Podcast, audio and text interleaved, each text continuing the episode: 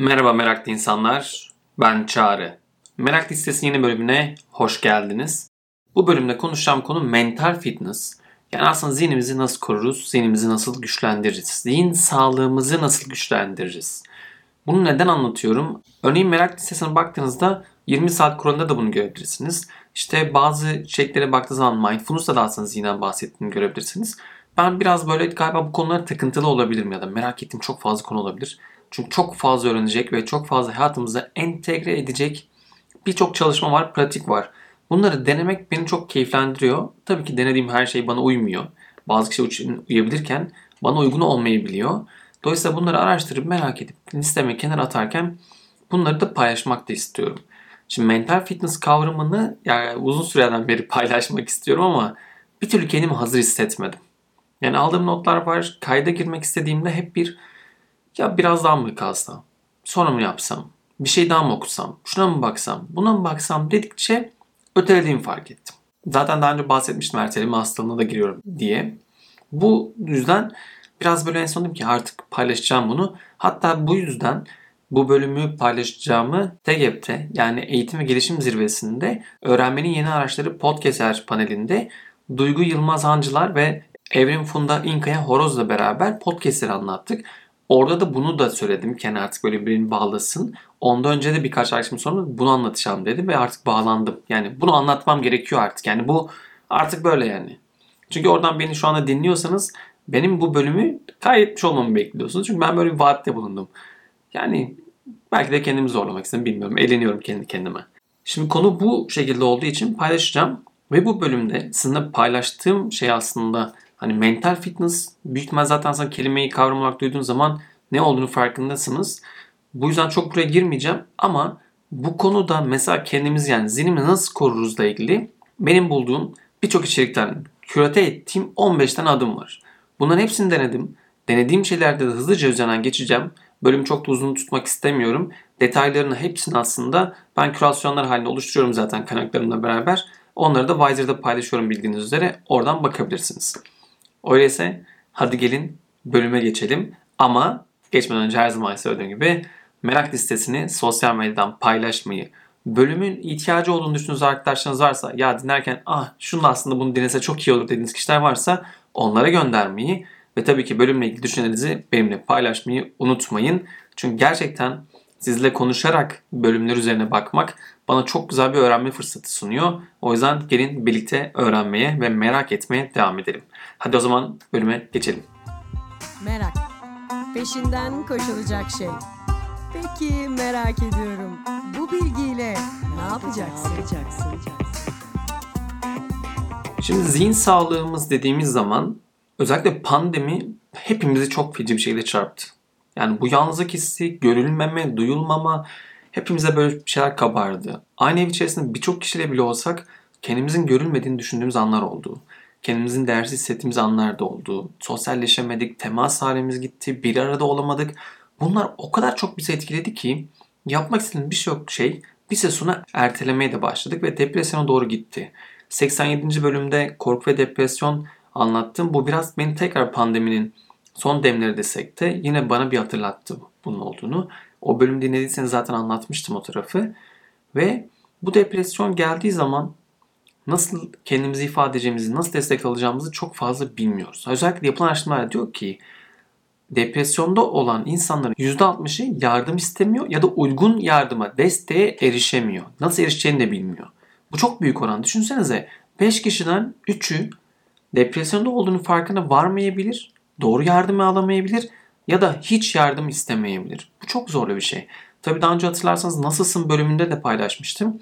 Biz genelde nasılsın diye çok soruyoruz ve her sorduğumuz 5 kişiden 4 tanesi iyiyim dediği halde iyi değildi. Yapılan araştırma bunu göstermişti.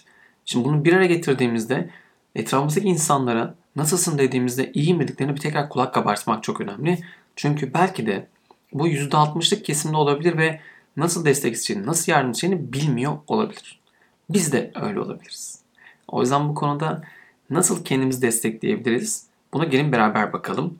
Her zaman profesyonel destek çok çok önemli. Yani bölüm zihinsel olunca her zaman benim benim için en önemli şey eğer ihtiyacınız olduğunu fark ettiyseniz bazı şeyler zorlandığınızı bir psikologdan destek almak mucizevi bir etkiye sahip. Çünkü gerçekten kendi zihnimizi yapacağımız en büyük yatırım kesinlikle iyi bir terapistle çalışmak ve güzel bir kendimize alan açmak. Bunu kendimize hediye etme hali bence çok değerli. Bunu bu 15 maddenin haricinde söylüyorum çünkü bu ana çatısı zaten. Yani bu olmazsa olmaz. Şimdi gelin 15 tane maddeye geçelim. Bu maddeleri ayırırken de ikiye kategorize ettim. İkiye ayırdım kendi içerisinde. Bunların bazıları zaten bildiğimiz biraz hem fiziksel hem de aslında birlikte yapacağımız şeyler. Bir diğeri sadece kendimiz yapacağımız şeyler. Önce birlikte yapacaklarımızdan başlamak istiyorum. Sonra beraber kendimize odaklanalım. Önce genelden gidelim istiyorum. Bir, oyun.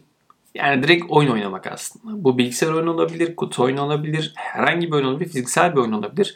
Yapacağımız şey gerçekten oyun oynamak. Keyif veren, bize iyi gelen oyunları tekrar keşfetmek ve içine girmek. Son dönemde zaten Netflix'e Squid Games ile beraber çocuk oyunları çok popülerleşti. Tabii oraya girmiyorum dizinin içeriğini ve anlatmak istediği şeyi ama oyun oynamak gerçekten bizi çok iyi hissettiren bir şey. Bize iyi gelen, iyileştirici bir etkiye sahip. O yüzden oyun ekipleri kurmak, beraber oyun oynamak, birlikte hareket etmek, yani sosyalleşmek için müthiş bir etkiye sahip. O yüzden bilgisayar olabilir, yüzde olabilir, kutu oyunları olabilir. Bu tür etkinlikler yapmak bence çok çok önemli. İkincisi spor yapmak. Bu zaten aslında en önemli şeylerden bir tanesi. Her zaman biliyoruz zaten sağlam beden, sağlam zihin sağlam bedende bulunur. Yani bizim aslında zihnimizi beslememiz için fiziksel olarak da çok iyi hale gelmemiz gerekiyor. O yüzden spor yapmak, kendimize uygun sporu seçmek ben çok önemli bir nokta. Ben mesela podcastler sayesinde inanılmaz yürüyorum. Artık eskiden 5 dakikada gideceğim yere şu an podcast dinlerim. 15 dakikada 20 dakikada yürürüm deyip yürümeyi tercih ediyorum. Sonra zaten pandemiyle beraber toplu taşımayı kullanmak da azalmıştı. Bu yürümeyi teşvik etmek de çok iyi geldi. Yürüyüş de bir spor. Ve zihnimizi dinlendiren ve odaklanmamızı sağlayan çok keyifli anlardan bir tanesi. O yüzden spor yapmak zaten zihnimize iyi bakmanın en önemli noktalardan bir tanesi. Bu da zaten bildiğiniz bir para. Bu da zaten biliyordunuz yani. Üçüncüsü hikayeler anlatmak. Yani şimdi geçen hafta mesela hikayenin Kapkel etkinliğindeydim. Ben de bir hikaye anlattım. Sahnede olmayı eğitmen olduğum için seviyorum zaten. Ama hikaye anlatıyor olmak çok farklı bir şey. O sahneye çıkmak, sahneye çıkıp insanlarla paylaşmak. Çünkü anlatmak istediğiniz, kurduğunuz noktada gerçekten orada tepki verecekler mi, nasıl yaklaşacakları kestirmek gerçekten çok zor o performans sağlamak. O yüzden benim için böyle hep böyle heyecanlandığım şey noktam bir tanesi ve çok iyi geliyor. Çünkü hikayeleri toplamak, zihnimizde onları yaratmak, kurgulamak zihnimizi gerçekten çok iyi çalıştırıyor. Ve çalışan zihinle beraber de daha zinde kalabiliyoruz. Ve bunu paylaşmak, ifade etmek, insanlardan geri bildirimler almak, toplamak, onları izlemek müthiş bir etkiye sahip. Gerçekten keyifli bir zihin için, mental fitness için hikaye anlatmak çok önemli. Dördüncüsü kitap okumak. Genelde hepimiz okuduğumuz zaman aslında belli bir kitap zevkimiz var, belli bir kitap tadımız var. Ve o aa, kitap tadını kaybetmek istemiyoruz. Şimdi kitap tadı deyince şey oldu ama gerçekten de beğendiğimiz bir gustoya sahibiz. Belli kitapları okumayı çok seviyoruz. O yüzden benim burada yani zihnimizi biraz daha zenginleştirmek için farklı yani arada okuduğumuz 3-4 kita- 3 kitabın 2 kitabın sonrasında başka bir tane alandan bir kitap sıkıştırmak biraz onun üzerine düşünmek ben çok önemli. Bazen kişisel gelişim kitaplarını okuyorum. Bazen hiç daha önce okumayacağım ya da normalde baktığımda ya arkadaşlar arasında dalga geçtiğimiz kitapları da alıp okumaya çalışıyorum ki ne demek istiyorlar, neler var içerisinde diye. Her zaman çok keyif aldım ve çok önereceğim kitaplar olmasa da ya en azından şöyle diyormuş diyorum ve ona zihnime atmayı seviyorum ben açıkçası. Bu da bence farklı bakış açıları sunduğu için zihnimizi geliştirmekte, en azından zihnimizdeki kasları geliştirmede destek oluyor diyebilirim. Beşincisi bir topluluğa dahil olmak ya da bir topluluk kurmak. Şimdi öğrenme ağları içerisinde çok konuşuyoruz bunu. Kişisel öğrenme ağlarında özellikle. Topluluk oluşmak çok önemli. Ve dolayısıyla aslında neden? Çünkü hem birlikte öğrenmek için çok önemli hem de bunun içerisine dahil olduğumuzda gerçekten yeni şeyler yarattığımız için, birlikte üretmeyi başladığımız için çok büyük bir yani etki yaratıyor ve zihnimizi de daha da aktif kılıyor. O yüzden mesela genelde bakarsanız belli yaşlarda zihinlerin çok da aktif olan kişilerin her zaman belli toplulukları var. Konuşabilecekleri farklı farklı toplulukları dahiller ve bir arada onların içerisinden yararlanıyorlar ve onlarla besleniyorlar diyebilirim.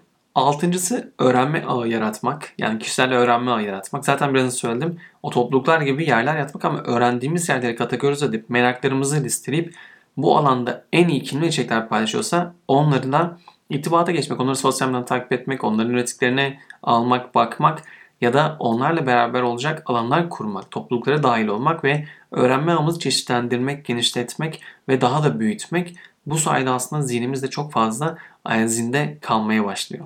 Şimdi bu 6 tanesi biraz daha fiziksel aktiviteyle birlikte yapılacak şekilde olan etkinliklerdi. Şimdi biraz daha bireysele doğru inelim ve bireyselde zihnimizi yani kendimiz tek başımıza zihnimizi güçlendirmek için neler yapabiliriz? Hangi egzersizleri yapabiliriz? Burada da önüme çıkanlar şunlar. Bir mindfulness ki zaten aslında ben de daha önce bahsetmiştim mindfulness bölümü de var. Ona da bakabilirsiniz.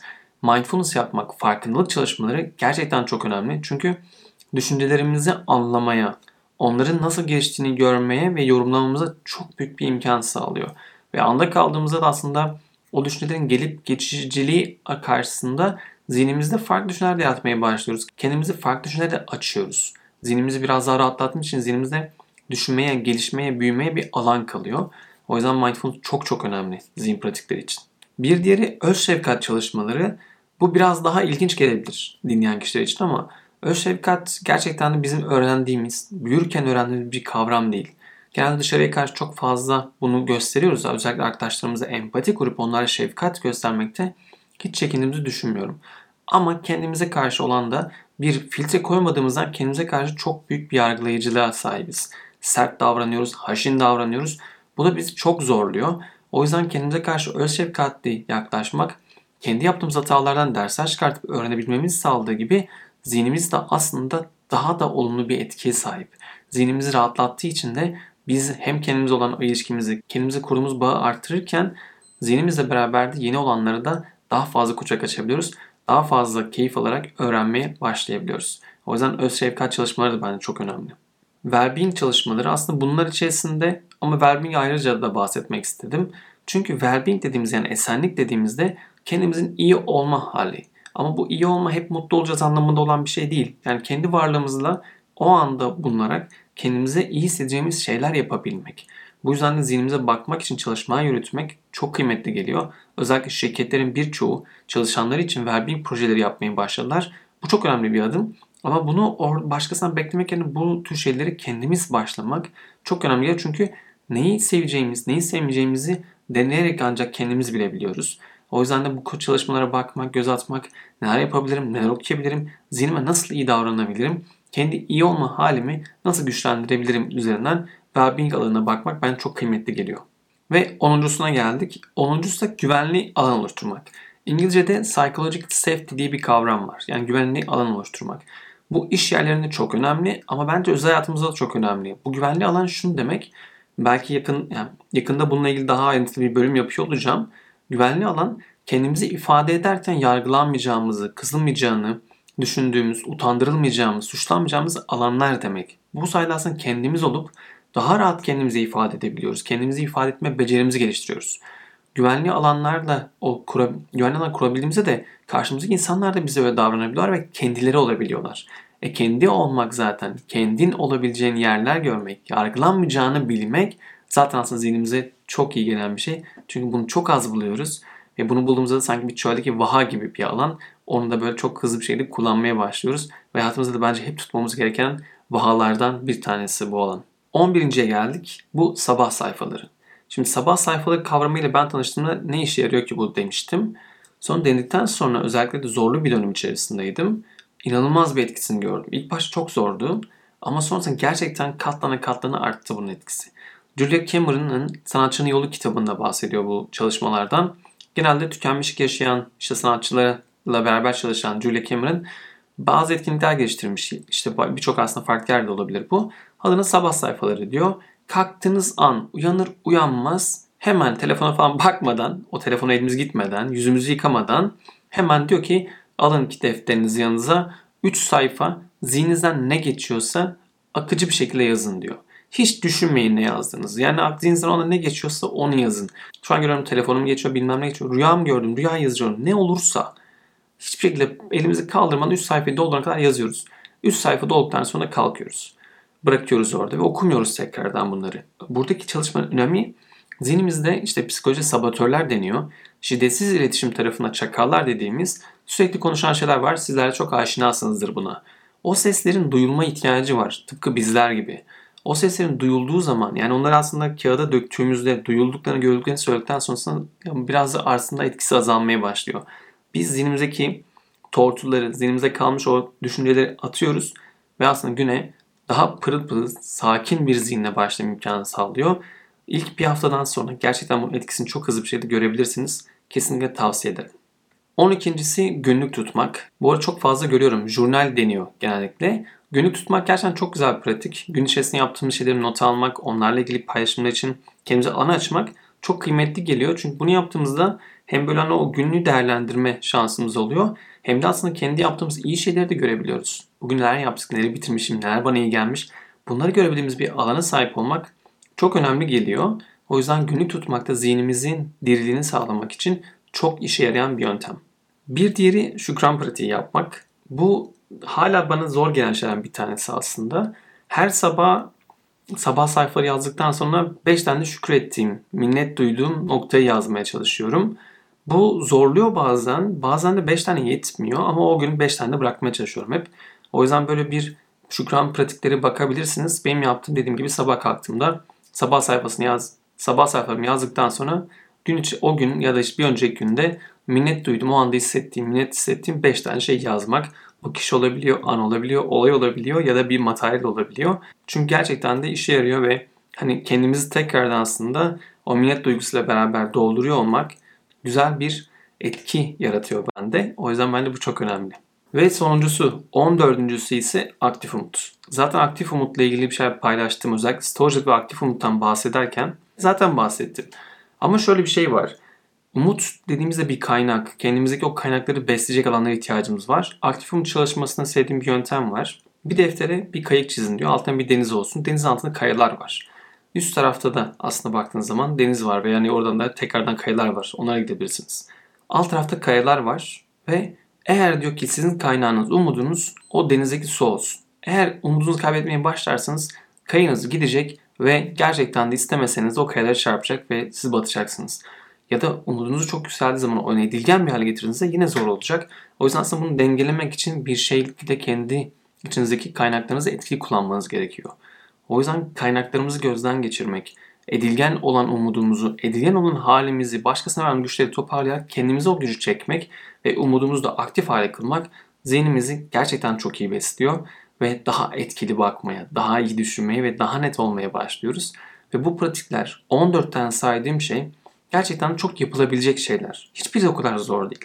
Önemli olan o adımı atmak, o harekete geçmek, beklemek ve bence en önemli şey de bu. Çünkü aslında bahsedeceğim, bahsettiğim şeylerin hiçbirisini böyle zorlayarak kendim yaptığım şeyler değil. Çünkü onların bana nasıl etki ettiğini biliyorum. O yüzden rahatlıkla size paylaşabiliyorum bu yöntemleri.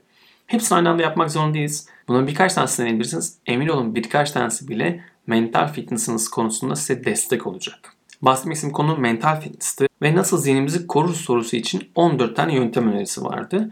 Bunlar umarım hoşunuza gitmiştir. Ve bölüm burada noktalamak istiyorum. Tabii ki her zamanki söylediğim gibi merak listesini özellikle bu bölümü beğeneceğini düşündüğünüz bir arkadaşınız varsa ona göndermeyi, sosyal medyadan paylaşmayı ve bölümle ilgili fikirlerinizi benle sosyal medyadan Instagram'dan küpeli çağrı ya da merak listesi üzerinden paylaşmayı unutmayın. Bir sonraki bölümde görüşene kadar merakla kalın. Hoşçakalın.